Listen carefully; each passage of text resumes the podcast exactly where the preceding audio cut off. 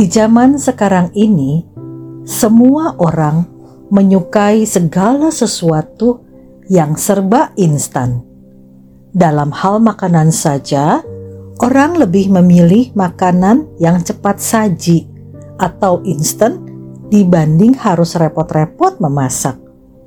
Dalam hal bekerja, inginnya cepat dapat pekerjaan yang hebat, ingin cepat dapat gaji besar, ingin cepat naik jabatan, dan sebagainya.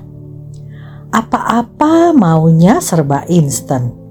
Kalau bisa, tidak perlu kerja keras, tidak perlu usaha mati-matian, tidak perlu merasakan beratnya suatu proses. Sungguh, tak banyak kita menemukan orang-orang yang punya kesabaran untuk menunggu dan kesabaran untuk menjalani proses. Seringkali kita bertanya, sampai di mana kita harus bersabar. Sesungguhnya, pertolongan akan datang bersama kesabaran. Maka, ingatlah bahwa sabar selalu tidak terbatas. Belajar sabar adalah sebuah tanggung jawab. Belajar mengerti orang lain adalah kebijakan. Cobalah sedikit bersabar untuk melihat perbedaan dari sudut pandang orang lain. Ingatlah, hanya orang yang sabar yang bisa menjadi besar dan berhasil, bukan orang yang tergesa-gesa, sebab orang yang tergesa-gesa adalah orang yang sembrono, yang selalu salah langkah.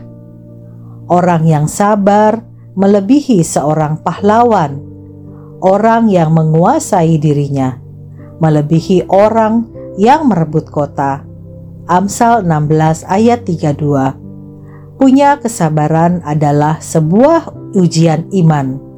Saat dihadapkan pada situasi atau keadaan yang sulit, adakah kita punya kesabaran untuk menantikan pertolongan dari Tuhan?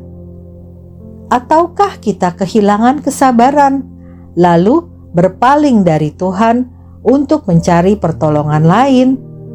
Kesabaran adalah salah satu buah roh yang harus dimiliki orang percaya. Galatia 5 ayat 22. Memang tidak mudah bagi kita untuk punya kesabaran. Bersabar menghadapi suami kasar, bersabar menghadapi istri yang super bawel, bersabar menghadapi anak-anak yang nakal. Terlebih lagi, bersabar dalam menantikan jawaban doa dari Tuhan. Bersabar menantikan janji Tuhan digenapi dalam hidup ini.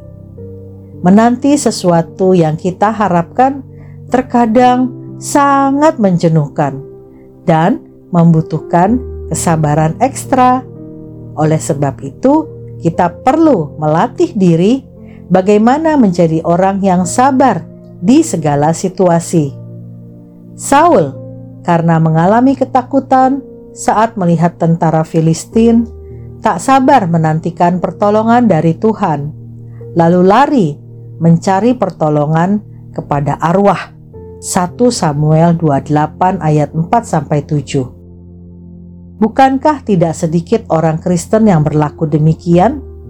Tidak sabar menunggu waktu Tuhan bertindak, lalu kita pun lari mencari pertolongan lain.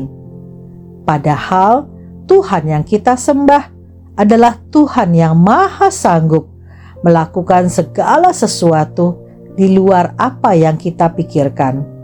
Waktu Tuhan adalah yang terbaik, karena itu bersabarlah menantikan Dia bekerja. Amin.